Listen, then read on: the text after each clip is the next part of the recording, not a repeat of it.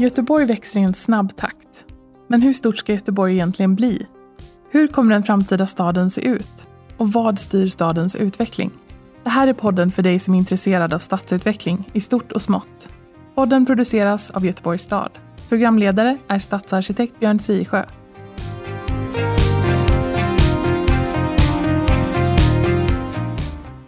Välkomna ska ni vara allihopa till det nya avsnittet av Götepodd. Götepodd är podden som handlar om stadsutveckling i Göteborg. Men nu ska vi prata om någonting som kanske inte riktigt är det, för vi ska prata om hemlöshet i Göteborg. I Idag har jag med mig två personer, eh, Patrik och eh, Anna. Eh, Patrik, kan du börja med att presentera vem du är och vad du gör? Absolut. Jag kallas faktiskt för Pat så ni får gärna kalla mig för det. Eh, och jag jobbar för Räddningsmissionen och idag så ansvarar jag för vårt hemlöshetsarbete, men då den delen av hemlöshetsarbetet som riktar sig till de som så att säga har tillgång till välfärdssystemet. Enkelt sagt svenska hemlösa eller som har personnummer i Sverige. Och sen har vi en annan verksamhet med en annan chef som riktar sig då till de som inte har tillgång till välfärdssystemet. Det vill säga utsatta EU-medborgare, papperslösa. Just det, hemlösa mm. och hemlösa. Mm. Mm. Anna, då, vem är du? Då? Mm. Jag eh, heter Anna Holmqvist. Då. Jag jobbar som avdelningschef i staden på socialförvaltning sydväst och ansvarar för en avdelning som heter avdelningen boende och hemlöshet. Ehm, och eh, ansvara för alla stadens sociala boenden. Eh, och, det, eh, och även då hemlöshetsarbetet utifrån både från akut hemlösa personer som bor utomhus eh, där vi har uppsökarplatser som de kan övernatta om de saknar tak över huvudet för natten eh, till eh, lägenheter där vi ger stöd på olika sätt. Då. Och sen har vi en del mm, sysselsättning och öppna verksamheter för personer som lever i, i hemlöshet. Då. Okay. Men varför är man hemlös idag i Göteborg? Vad beror det på? Det finns ju så många oändligt många orsaker till att man hamnar i det. Man kan säga också att man brukar dela in hemlösheten i, i två delar. Ett, eh, social hemlöshet, två, strukturell hemlöshet. Och med den strukturella hemlösheten då menar man egentligen att det finns inga sociala problem, utan det det som finns då som är utmaningen att det kanske är låga inkomster och obefintliga inkomster så att man har väldigt svårt att ta sig in på bostadsmarknaden just på grund av det. Man har inte råd helt enkelt? Man har inte råd. Eh, och den andra delen är den sociala hemlösheten och då finns det ju en social problematik och det kan ju handla om allt mellan Ja, det kan vara eh, en beroendeproblematik. Det kan vara en psykisk sjukdom eller ohälsa eh, eller funktionsnedsättningar som gör att man inte har eh, kunnat tillgodogöra sig stadens stödsystem också Ehm, sen tänker jag just det här med strukturell och social hemlöshet. Eh, det är ju inte en, en eh, strikt eh, skiljelinje mellan de två. För jag tänker, lever du för, för länge under osäkra boendeförhållanden och du också ehm, ja, kanske som barn får flytta runt på många olika ställen så, så skapar det också en så stor otrygghet att det också kan leda till en social problematik. Eh, så att jag tänker att det är också viktigt att ehm, ja, skapa strukturella förutsättningar för att minska även den hemlösheten, tänker jag, för att inte det ska bli en större social utsatthet för de personerna. Då. Och det är lite viktigt att säga också, vi bruk, alltså det är så lätt att man använder sig av begreppet hemlösa som en liksom kategori människor. Men man, vi är väldigt tydliga med att alltså hemlöshet, det är inte en person utan det är en situation. Uh, och alltså, människan är så mycket mer än, än bara just hemlös. Vem kan bli hemlös egentligen? Så, det kan gälla i princip vem som helst. Det är klart att vissa har bättre förutsättningar än, än andra och har det bättre förspänt, men jag har sett och mött människor i, i, som har haft väldigt ledande positioner i samhället som av olika orsaker kanske har gått ner sig i ett alkoholmissbruk eller ett narkotikamissbruk och den vägen mm. så har de eh, helt enkelt fallit mellan stolarna och, och hamnat på gatan. Jag har också sett tidigare väldigt starka människor som har drabbats av psykisk ohälsa, psykiatriska diagnoser, eh, av den anledningen hamnat på gatan. Sen tänker jag också, det är ju en ganska stor andel, upplever jag, som har levt i utanförskap eh, hela sitt liv, där kanske eh, föräldrar har eh, ja, inte levt utanför, liksom, eh, kanske själva har varit hemlösa eller haft e-, en beroendeproblematik som gör att man har liksom aldrig kommit in i en gemenskap i samhället. Och det tänker jag också när man pratar det här med, med hur man kan komma ur eh, en hemlöshetssituation handlar ju väldigt mycket om en kombination. Det handlar ju om både att det ska finnas bostäder och så, men ofta så räcker ju inte en bostad utan du måste också eh, hitta hitta ett socialt sammanhang, alltså en känsla av att vara behövd är ju ett väldigt grundläggande behov hos alla människor där många av de här personerna lever väldigt mycket utanför samhället. Och mm. Jag tänker också hur vi planerar staden och hur vi placerar de här boendena är väldigt eh, avgörande tror jag för hur man lyckas liksom komma in i i samhället.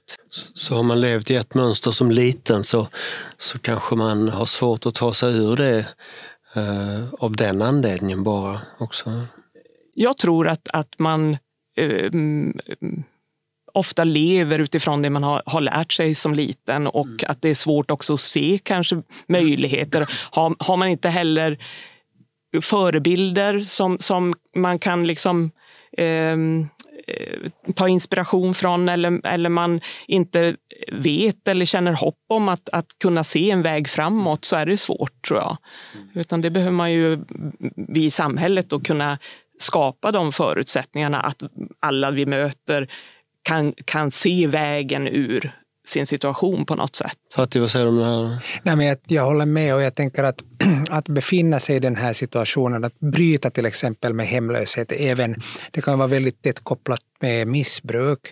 Det är så många liksom, byggstenar som behöver vara på plats för att man ska komma vidare. Och det kan vi ju se till exempel i, i våra verksamheter. Det räcker oftast inte bara med att få en plats på till exempel ett akut eller ett stöd och habiliteringsboende, behandlingshem.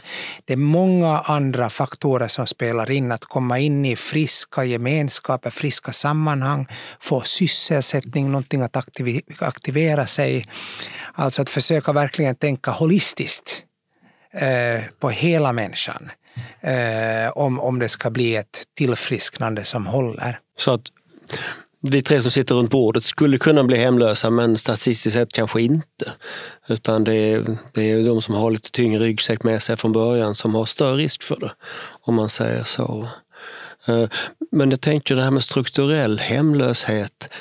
Eh, det, det är ju det är ju, är det stadsutvecklingens misslyckande då? Är det, är det stadsbyggandets eh, fel? Eller hur, hur, hur funkar det? Jag tänker att vi har ju en byggboom i Göteborg idag. Det är ju helt mm. fantastiskt att eh, mm. resa omkring i vår stad och se alla dessa byggnader som smälls upp till höger och vänster. Men eh, jag tror att det är också väldigt, väldigt viktigt att försöka hitta liksom former eh, Eh, som, som byggnader som faktiskt eh, de som inte har så mycket inkomster, där de kan bo och ta sig in. Eh, och där ligger utmaningen. för jag, jag tänker att det är ju att vi har för lite bostäder totalt som, gör, som är liksom kärnan i varför man, man, man blir strukturellt hemlös, tänker jag. Och att man inte har precis som Patti är inne på, eh, råd kanske att um, ja, med de bostäderna som finns kunna betala för en bostad helt enkelt. Ehm. Speciellt inte de nybyggda för de brukar Nej. vara dubbelt så dyra som, de, mm. som det äldre beståndet. Mm. Ja, precis. Mm. Och det är väl där som jag tänker man behöver fundera över hur kan man rigga för, för att eh, skapa olika typer av, av boendeformer eh, så att man, man eh, kan göra det. Och sen tänker jag också just det här utifrån integration och det är lite grann tangerar det att när man är Ehm, att just att vi har särskilt utsatta områden och det här att, att det blir också en koncentration av, av social, eh, eh, social utsatthet i vissa områden där det då kanske är billigare bostäder och det är där man, man eh, ja, har möjlighet att få en bostad. Och det tänker jag också leder till en, alltså att man får en, en segregation i staden som, som jag tror att man behöver jobba aktivt för att, för att liksom hitta sätt att möta det, det, liksom, den utmaningen. Allt för ensartade områden med, med samma, kanske samma typ av hyreslägenhet från, av äldre datum riskerar att bli segregerad av den anledningen. Det du säger egentligen? Ja, så, så tänker jag. Jag vet inte. Det, ja. Och det stämmer nog ganska väl med hur vi tänker och agerar också för vi försöker ju tillföra andra sorters boende i områden. Det vill säga i Bergsjön kanske det är hus på marken och i Hovås kanske det är flerfamiljshus och så vidare. Och, och hyresrätter i Hovås kanske och, och olika ägandeformer i, i Bergsjön. För att mixa och blanda, för det tror vi också är vettigt utifrån men, men det är ju ett problem det här att det är för dyrt att bygga helt enkelt. Att många eh, hamnar i prekära situationer och, och, i värsta fall hemlöshet på grund av att man inte har råd med boendet. I Sverige är ju ett land som inte har något socialt bostadsbyggande sedan början av 90-talet. Vi är ganska ensamma i EU om det. Vad tänker ni om det? Liksom att, att det är så? Jag tänker att det finns så mycket mera vi kan göra. Alltså, nu låter jag kanske lite jäv eh, om jag ska börja prata om Finland, för att jag vet att det, finns, det finns två europeiska länder som har klarat bostadsbristen och liksom faktiskt är på väg att försöka ta sig ur den här hemlöshetssituationen. Det är Norge och Finland. Och Finland, eh, de då i slutet av eh, 2008-2009 så implementerar man en nationell hemlöshetsstrategi eh, och man har en stiftelse som heter Y-foundation som har i uppdrag att bara bygga billigt. Och jag vet att den här Y-foundation har idag byggt närmare 20 000 boenden där man riktar sig brett mot personer i all form av hemlöshet. Allt från eh, studenter i, i storstäder till de som är på, på gatan. Och då har man fått till eh, ett samarbete då mellan staten, mellan regioner, kommuner och även då de som aktörer som, som jobbar med det. Och det, man utgår från ett eh, bostad först tänk. Alltså utifrån att, eh, att en bostad är en, en rättighetsfråga. Vad, vad betyder bostad för, och före vad då? Vad, vad är det man ska ha bostad före? Bostad först. Ja, bostad först ja. Mm. Och, och vad kommer sen då? Mm. Ja, alltså egentligen så är ju bostad först en metod som, som utgår ifrån, alltså grundtanken med det är att man får en bostad och sen så får man Eh, och det är personer, målgruppen för den insatsen är ju personer med en långvarig hemlöshet och, och kan ha ett aktivt eh, beroende.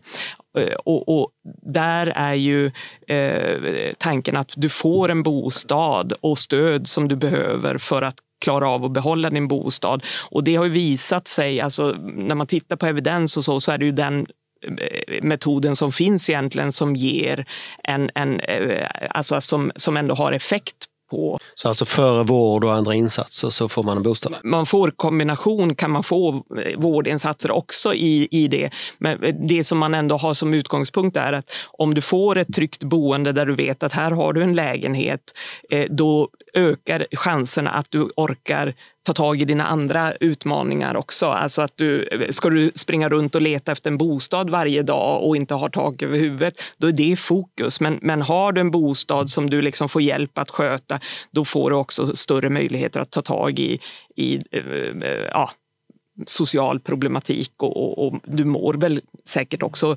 betydligt bättre eh, psykiskt om du har eh, ett boende som du kan känna dig trygg i och så. Det låter rimligt. Ja, ja och om jag mm. bara får vara lite högtidlig. ja, det är okej att vara högtidlig i den här podden. Får man, får man. Alltså det står så här, ett ordnat boende det är en lagstadgad och mänsklig rättighet. Hemlöshet ska därför betraktas som ett brott mot en persons fundamentala mänskliga rättigheter. Och det här finns både som en social rättighet i FN-deklarationen om mänskliga, mänskliga rättigheter i artikel 25 och detsamma gäller även i Sveriges regeringsform första kapitlet, andra paragrafen, första moment. Och med, med liksom det i, i, i bakhuvudet så behöver vi alltså betrakta hemlöshet som ett bostadsproblem som faktiskt går att lösa. Och, och, och i, i, i, Sverige så har vi jobbat väldigt mycket med trappstegsmodellen som är eh, motsatsen till eh, bostad först. Och trappstegsmodellen den bygger i princip på att alltså, lägenhet är någonting du ska förtjäna. När du kan bevisa att du klarar av ett boende. Då kanske du börjar på en parkbänk. Och så fortsätter du på ett härberge. Och kan du spänna bågen på det här härberget så kanske du får tillgång till ett stöd och habiliteringsboende. Kan du visa där under sex månader, ja men jag klarar det här, då kanske du blir placerad på ett behandlingshem för att få lite mera stöd. Det låter lite moraliserande. Mm, och då ska man in sen vidare kanske på en, en träningslägenhet eh, för att få ytterligare referenser och så ska man vara, få ett kommunalt kontrakt. Och när man har visat då för allt och hela världen. Jag klarar det här. Då får man sitt förstahandskontrakt. Men det är, finns ju så oändligt, en sån oändligt stor fara att falla där på vägen. Och då börjar man på trappbänken igen. Just det, så att det här med bostad först är mer resultatinriktat än, än att, att på något vis försöka gå in och Ja, men då, då, då är liksom grunden i detta, det, alltså en bostad ska inte vara villkorat av äh, människors personliga problem. Och att bostaden är för, förutsättningen för att du ska kunna ta tag i dina problem. Det är extremt svårt när man inte har liksom en fast adress. Det är så mycket i vårt samhälle idag som bygger på att vi ska ha en fast adress som vi ska kunna visa till bankvärlden och till alla möjliga olika myndigheter. Ja. Jag tänker grundtanken är ju att alla kan klara av att bo med rätt stöd. Och det är liksom det som vi behöver bli duktiga på, att, att möta personen där den är och, och kunna ge eh, rätt stöd och ja, utifrån personens egen vilja och önskemål. För eh, att, att man, eh, ha, om man har ett beroende så kommer man aldrig liksom sluta använda eh, droger om man inte själv vill. och, och, det är väl det som jag tänker att den motivationen måste man själv hitta och, och kan man jobba med ett stöd som gör att man hittar den motivationen så är det större möjligheter att det blir liksom ett hållbart eh, en hållbar drogfrihet, tänker jag. Och, och det är liksom motivationen för det här med, med bostad först, det är att det fungerar helt enkelt. Exakt. Och det finns ju evidens på det och forskning och jag tror att i USA så 80 procent av de som har fått ett Bostad först-kontrakt bor kvar efter tio år. Mm. Det är mycket. Det är också i Göteborg väldigt goda resultat. Det är väl ö, över 80 procent som bor kvar är intressant och hoppfullt. Mm. Men det här med akut hemlöshet, vad är det för någonting? Hur definierar man det då? För hemlöshet är väl alltid akut? Eller? Nej, men, om man går på Socialstyrelsens definition. Man har, Socialstyrelsen har delat in det i fyra olika situationer. Och till den akuta hemlösheten dit räknas förutom uteliggare, alltså de som, som sover i trapphus och på parkbänkar etc. Eh, eh, även de som sover på akutboenden eller härbergen eller jourboenden. Också skyddade boenden eller motsvarande. Och jag är själv verksamhetsansvarig för ett härberge och där har man access till boendet klockan åtta på kvällen och så ska man ut tio på morgonen. Okay. Men vad är ett skyddat boende? Vad skyddar man sig från då? Med skyddat boende. Det kan ju vara ett boende för kvinnor i, som är våldsutsatta. Precis. Mm. Ja, det kan ju vara kvinnor med barn där mm. det finns ett, ett ja, man har ett, ett hot från, ett hot från mm. ja.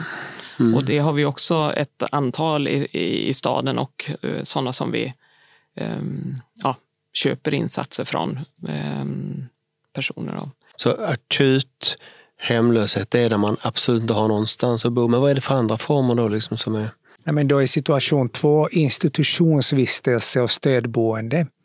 Och sen har vi situation tre, det är långsiktiga boendelösningar. Och då är det boende i någon av socialtjänstens särskilda boendelösningar, där boende är finansierat med tillsyn och särskilda villkor eller regler. Försökslägenheter, träningslägenheter som jag nämnde tidigare, sociala kontrakt. Och sen också den fjärde situationen, det är eget ordnat kortsiktigt boende. Och då bor man tillfälligt utan kontrakt hos kompisar, bekanta, familj, släktingar etc. Inneboende, andrahandskontrakt. Men det räknas som hemlöshet? Det är också en hemlöshetssituation. Ja, fast däremot så räknar man inte med då, som du sa, um, e-migranten utanför ICA-affären i den typen av hemlöshet. Då. Man gör skillnad på svenskar som är hemlösa och andra, eller? Man skiljer på det. Och I Socialstyrelsens senaste rapport från 2017 så räknar man att 33 250 personer i Sverige finns i någon av de här hemlöshetssituationerna. Och då inte är migranterna med? Då finns inte de med. Nej, nej. Och Finland har ju gått en annan liksom resa till mötes. Eh, Slutet av 80-talet hade man där eh, nästan 20 000 hemlösa. Idag är man nere på 4 000 hemlösa. Och målsättningen nu är att det ska vara noll 2026. Hur gjorde man då? då? Vad, vad, vad, som, vad är det som ger effekt i sådana här lägen? Det är det jag är intresserad av. Nej, men, eh, så här, effekten är ju, alltså om man tittar på Sverige idag, enligt eh, Boverkets senaste rapport från 2021, så har vi bostadsbrist i 207 av Sveriges 290 kommuner. Eh, 2019 så hade vi bostadsbrist i 243 av Sveriges 290 kommuner. Jag tänker att bostadsbrist och hemlöshet går ändå någonstans hand i hand. Mm. Och jag tycker att det säger ganska mycket om att alltså, av någon anledning så är det väldigt svårt för kommunerna att riktigt ta tag i det här. Och i Finland då, där har riksdag och regering fattat beslut om att nej, utan nu tar vi det här på nationell nivå. Nu visar vi med hela handen, så här ska vi lösa situationen. Och då finns det 50 stycken olika kommuner som är med och man jobbar utifrån ett, ett Bostad först-program och har tillsatt en stiftelse vars uppdrag är att bara ta fram lägenheter i alla varianter, alla former. I Göteborg så har vi ju en del blockförhyrda fastigheter där det bor personer som har eh, boende med stöd, om man säger. Vi utför insatser för att personerna ska kunna ja, få hjälp med det de behöver och så. Eh, och eh, de blockförhyrda fastigheterna kan man inte få ett förstahandskontrakt i.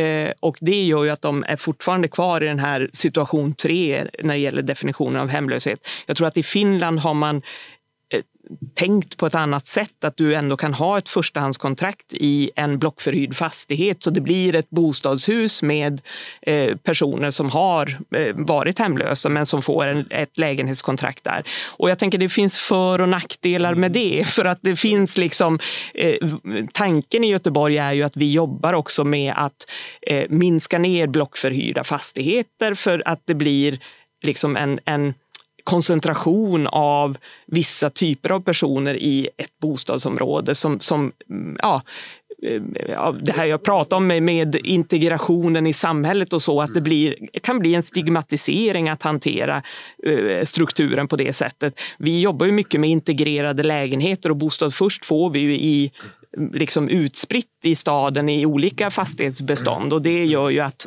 man får en möjlighet att inte liksom vara den där ja, gruppen. Nej, precis. Mm. Och, då, Bostad först bygger ju på att det ska vara insprängda mm. lägenheter. Men, men då, det finns ju alla varianter i Finland. Men man har, byggt, man har faktiskt gjort sig av med alla härbergen i Finland. Det finns inga härbergen längre.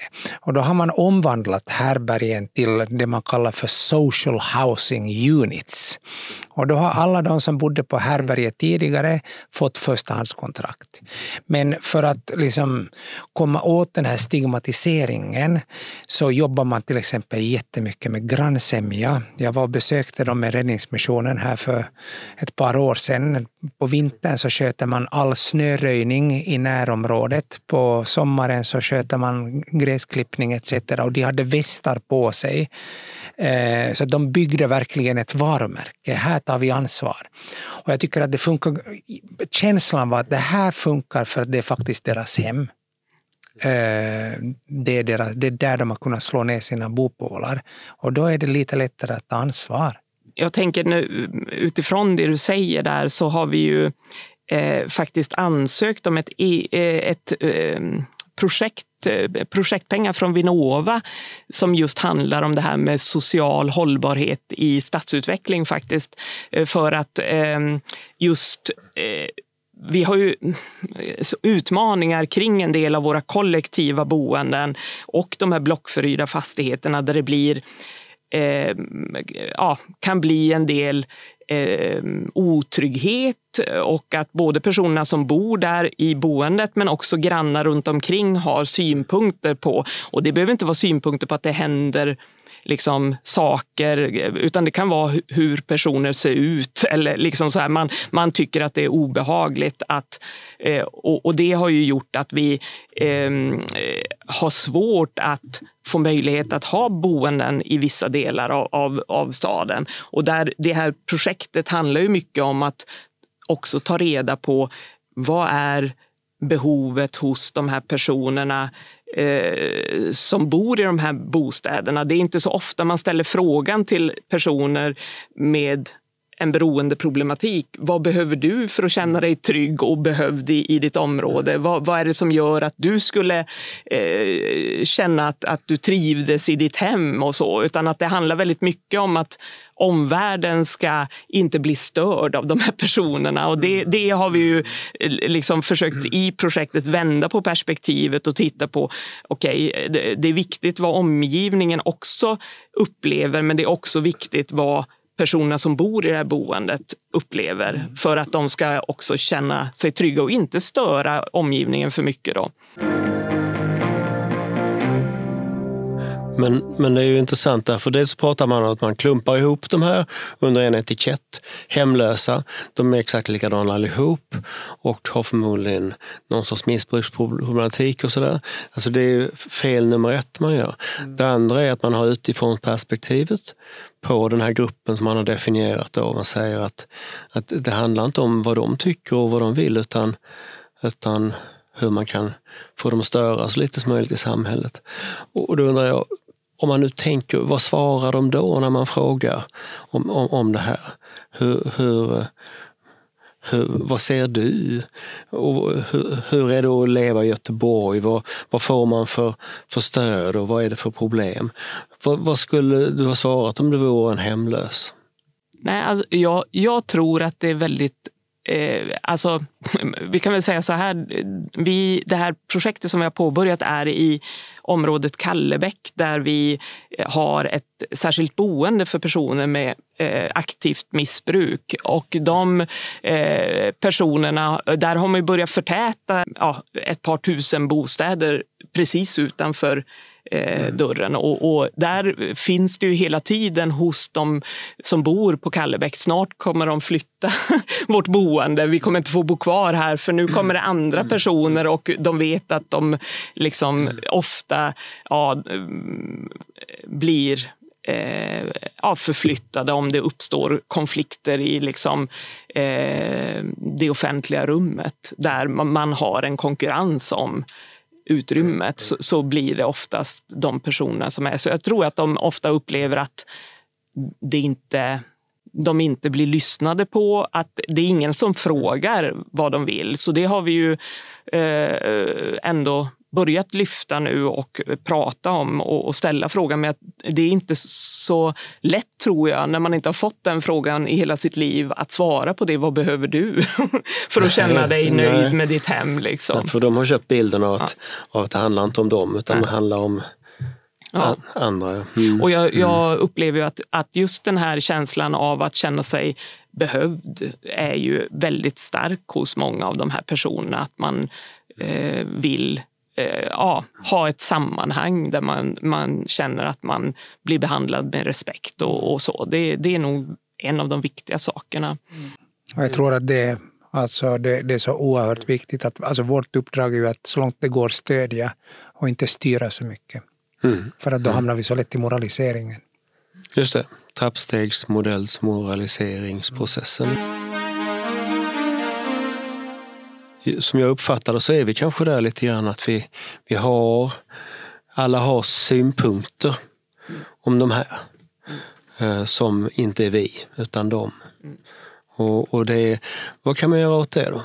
Det är en svår fråga tycker jag och jag tänker idéburna organisationer eh, tror jag, alltså jag tror att man behöver ehm, eh, stärka eh, hur man ska säga varumärket eller förståelsen för den här målgruppen och, och på något vis också förklara att även de är människor. Alltså det är inte eh, deras behov ser inte annorlunda ut än eh, våra behov på något sätt. I grunden har vi samma eh, liksom drivkrafter som människor och, och, där tänker jag att man blir...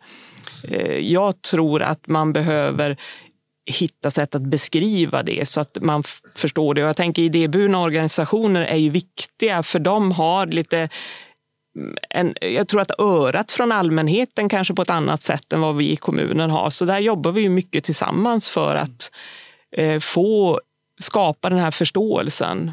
Och jag, jag, tänker också det här med att eh, skapa... Dels så tänker jag var man placerar boendena. Vi har ju i, i ganska... Flera av våra boenden ligger i industriområden för att man har tänkt där kanske det blir mindre störningar för grannar och så. Mm. Eh, och, och, det är liksom men jag tror också i offentliga utrymmen att det hade varit bra att kunna skapa liksom, eh, platser där de här personerna också kunde få vara. För att det, det är ju ofta man jobbar med eh, eh upplever man att här finns det många som eh, sitter och, och kanske dricker alkohol eller sådär i, i, på bänkar som finns. Då plockar man bort bänkarna eller så ska, har man såna här handtag mitt på bänken så man inte ska kunna lägga sig och vila och sådär. Att man skapar otillgänglighet. Man tillsätter väktare för att, för att liksom flytta på målgrupperna. Och, och, där tänker jag att man flyttar dem inte, man flyttar bara bort dem, men man skapar inte någonstans där de kan vara, vilket gör att då, då blir det ett problem i en annan del av staden istället. Och, och hade man kunnat utforma platser som utifrån deras önskemål, här är det trevligt att vara, så hade man också mm. kunnat få mm, ja, den här känslan av att, att man blir accepterad någonstans på något sätt och inte bara mm. bortmotad överallt. Så det är väl... Jag kommer ihåg det från min, min barndom att eh, utanför konsthallen bredvid Systembolaget på Mårtenstorget i Lund, då, då, där, där satt de här gubbarna och tjoade lite och var lite kanske lite oreella ibland, men det var också väldigt mycket en bild av det hela, torget, stadsbilden. Mm. Och, och, och, eh, den typen av liksom att man inte ska städa med tandborste och klorin i alla hörn av samhället tror jag är väldigt viktig och vi är ganska dåliga på det i Sverige. För vi vill ha den här tjusiga fasaden och, och tål inte att, det, att, det, att alla syns. Nej. Och det är illa. Jag tyckte det var intressant. Det var ju han som är vd på Liseberg berättade lite grann om hur de jobbar i, i Köpenhamn med stadsutveckling och hur man liksom har vissa delar av stan där det finns en kreativitet och man, man liksom släpper fullständigt loss medan andra mm. delar är mer, mm. eh, ja, ska man säga, businessmiljö eller hur, hur man ska mm. uttrycka men att, att det ändå finns de här olika eh, utrymmena för mångfald på något sätt, på ett annat sätt än hur vi har. Jag tänker så här, vilken typ av byggnation behövs för den här målgruppen. Och det var väldigt svårt. Vi hade ett boende som skulle flytta på grund av, av stadens utveckling och så skulle man, vi hade en önskan om att få två boenden.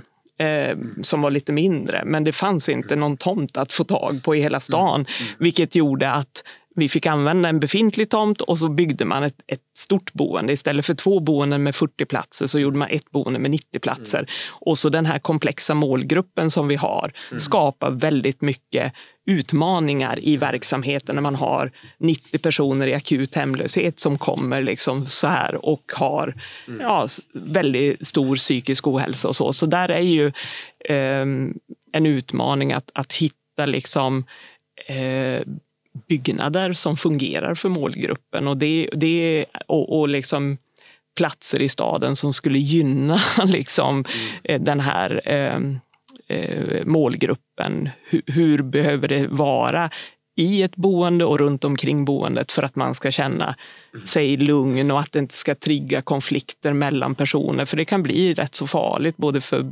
brukare och medarbetare. Som, och vi jobbar ju väldigt mycket med metoder men en del av de här strukturella förutsättningarna måste också fungera tänker jag. Det, det, är viktigt att både och finns. Bemötande är oerhört viktigt, men är det för många med för olika typer av utmaningar så, så blir det en, en svår situation, om inte omöjlig. Då. Men just det där att man tänker, nu löste vi nu, två flugor i en smäll, vi bygger ett stort istället. Va? Ja, ja vi, vi har tänkt lite tvärtom med den här verksamheten jag berättade. Vi jobbar ju med max sju deltagare samtidigt. Och, det, och det, alltså då kan man jobba liksom lite mer individanpassat om man tänker i Sverige då, för jag menar, det finns, okay, det finns någonting man kan göra här lokalt i Göteborg och det har vi pratat en del om, sådär, vad, vad man gör och vad man inte gör. Men, men finns det några nationella strategier som liksom, och hur förhåller de sig då till det lokala arbetet i så fall? Jag tänker att alltså man be, kanske inte behöver uppfinna hjulet på nytt. Ibland så kan det vara bra att titta på vad andra länder gör. Och jag, jag tror verkligen att, alltså att Finland har ett bra spår. Eh, där är riksdag och regering har liksom fattat beslut om att vi, vi kör på den här linjen. Det ska bygga på ett bostad först-program. Eh, och sen har man tagit medel från eh, RAY och det är väl Penningautomatföreningen i Sverige. Finländare är som galna att spela olika spel så att de har en massa pengar. Så att man kunnat ta det därifrån. Och så har man fått till det här samarbetet. Och de, de aktörer som ska jobba med det köper ju då liksom det innehållsmässigt. Att man ska jobba utifrån en bostad först-princip. Mm. Eh, jag, jag, måste ju också säga det att jag tycker ju att Göteborg, trots de utmaningarna vi har, har ju jobbat strukturellt med hemlöshetsfrågan på ett väldigt bra sätt de senaste åren. För jag tänker, vi har haft en, en hemlöshetsplan där alla aktörer som är berörda har jobbat tillsammans. Vi har en tydlig liksom, strategi och där är Bostad först en, en av de viktiga strategierna när det gäller hemlöshet för, för den målgruppen som har en, en social problematik. Och sen så har vi ju också en, eh, alltså Göteborg är ju också en av de få, alltså där vi har en årlig mätning av hemlösheten, vilket gör att vi också kan utvärdera och mm. jobba systematiskt med att skruva i strategier om vi ser att det inte fungerar. Så jag tänker fastighetskontoret och eh, socialförvaltningarna och, och, vi har ju, och även tänker jag att, att eh, idéburna organisationer har ju liksom en, en tydlig plan för hur vi jobbar med de här frågorna. Och vi har ju också i Göteborg minskat hemlösheten de senaste åren i ganska stor eh, utsträckning faktiskt. Så att det, det får man inte heller, akut hemlöshet har ju minskat uh, mycket. Mm. Så att jag mm. tänker att uh, sen har vi fortfarande utmaningar kvar och, och det som jag tänker i det längre perspektivet, vi hade ju gärna önskat oss att få Eh, att de här personerna, att vi hade kunnat fånga deras behov och önskemål om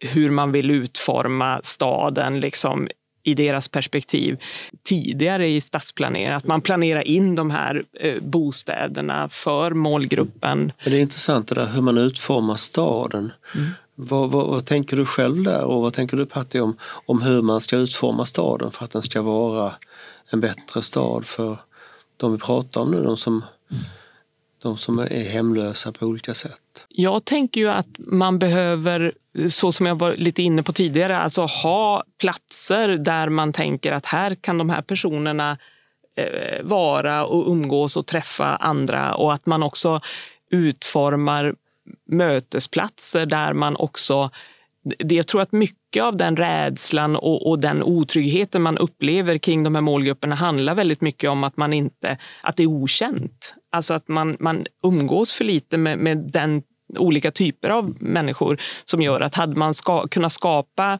eh, möten mellan människor så hade man också kunnat minska liksom, hindret eh, för, att, för att våga möta, eh, mötas. Eh, och sen så tror jag just det här att man behöver fundera över vilka platser kan man ha boenden på för att det ska eh, inte bli för mycket friktion med omgivningen. Eh, hur behöver man utforma miljön runt omkring och hur skapar man en, en trygg hemmiljö? Jo, nej, men, och, och, och, där kan man tänka nästan att det, det är kanske lättare att hitta de platserna i stan än i ett villaområde.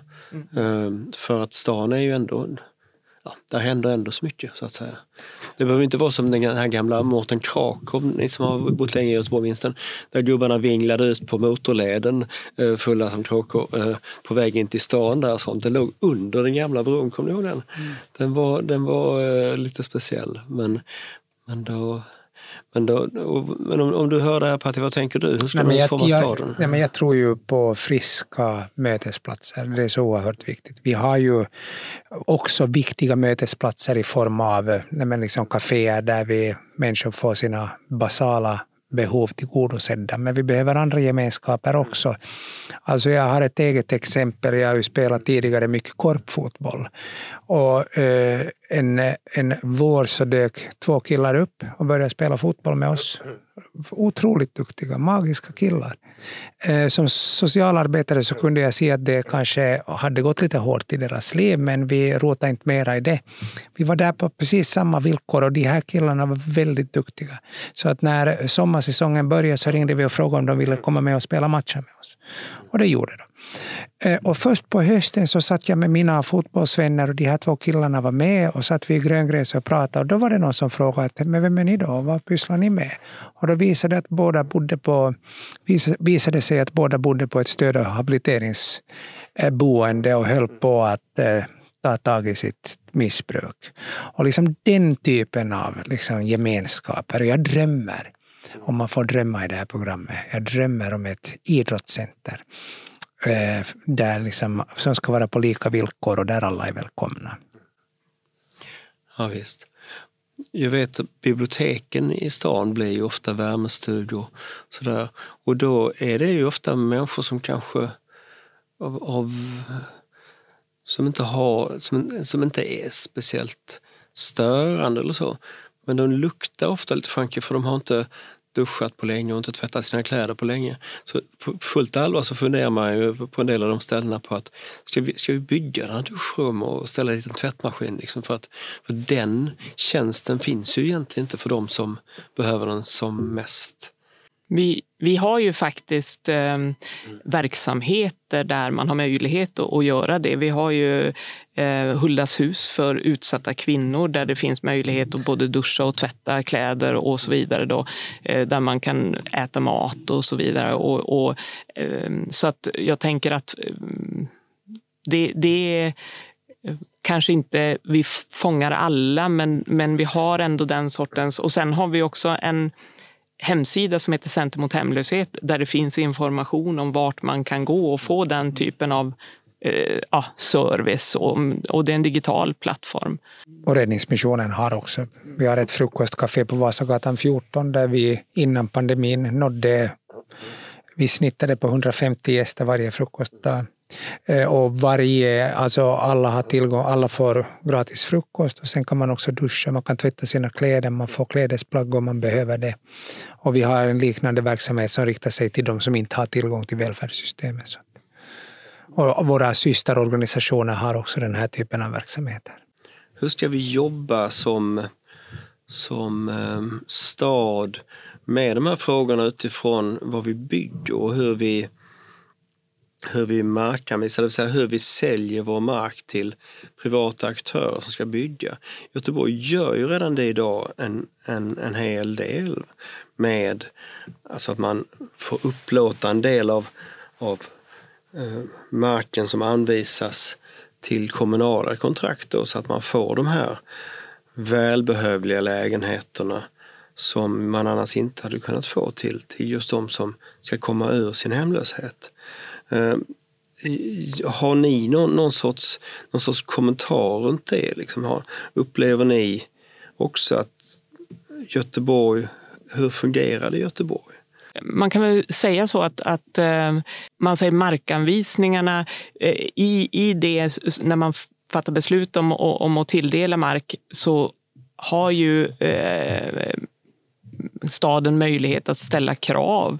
Eh, och där så är det ungefär 10 procent av nyproduktion som man kravställer på olika sätt och, och kan man får eh, lämna 10 procent till eh, hemlöshetsarbetet. Och där har vi ju haft en särskild satsning de senaste åren på barnfamiljer för att minska hemlösheten för barn. Och där vet jag ju att, att det blev faktiskt fantastiska resultat. Men där har vi också ett väldigt bra samarbete med allmännyttan i staden där vi, vi får lägenheter mm, både till eh, personer, Bostad först och andra eh, lägenheter som, som används för, för att förebygga hemlöshet. Så både allmännyttan, det vill säga de, mm. de kommunala ja.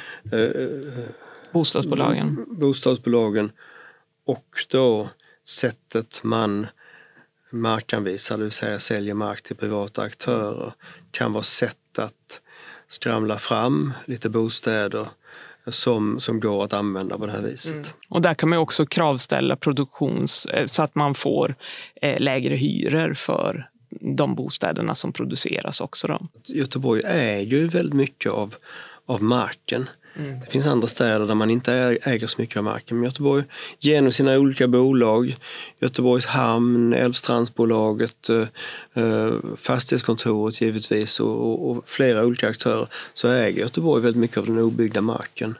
Mm. Eh, och, och, kan använda den på det viset. Mm. Sen kan det vara lite olika politiska konjunkturer. Ibland tycker man om klirr i kassan och vill sälja bort den till dyra bostadsrätter. Och ibland så, så lutar man mer åt det här hållet. Så, att säga. så det, det är olika. Mm. Ja, men det har ju varit en, en framgångsrik strategi och vi har ju, det är ju en delförklaring av att hem, hemlösheten ändå har minskat så pass mycket. Eh, att det helt enkelt finns tillgång till ja. bostäder som går att efterfråga för de här mm. Eh, att de blir kan... öronmärkta för de ja. här sociala uh, behoven. Och, ja, mm. ja, ja, visst. Sen har vi ju en hel del arbete kvar också. Och eh, Europaparlamentet kom ut med en resolution i november 2021 där man uppmanar alla europeiska länder framförallt att ta tag i Eh, Eh, framförallt att ta fram en nationell hemlöshetsstrategi och man har satt ett ganska tufft mål att bygga bort hemlösheten i alla europeiska länder eh, senast 2030. Och då finns det ett sexpunktsprogram eh, så att det är liksom listat vad som behöver göras. Men vi är på god väg. Vi har ett bra samarbete, men mer behöver göras. Ja men så är det väl alltid att mer behöver göras. Men, men jag tyckte det var väldigt kul att få prata om det här lite ovana ämnet för min del också. Jag, jag eh, kanske resonerar mer om hur vi bygger staden och, och, och hur vi skakar fram eh, mer stad än just det här problemet som delvis handlar om strukturell hemlöshet där vi helt enkelt inte har lägenheter åt folk. Och delvis handlar, handlar om en mer komplext bild av problem och möjligen möjligheter också. Eh, så att jag tackar er så hemskt mycket, Patti och Anna, för den här uh, Götepodd som gick ut på hemlösa och hemlöshet. Tack så mycket. Tack ska du ha. Tack så mycket. Du har hört ett avsnitt av Götepodd som produceras av Göteborgs stad. Redaktörer är Ann Bergermark Rintala, Jenny Olsson och Peter Wanding samt redigering Josef Bosir. Läs mer om Göteborgs stadsutveckling på www.stadsutveckling.goteborg.se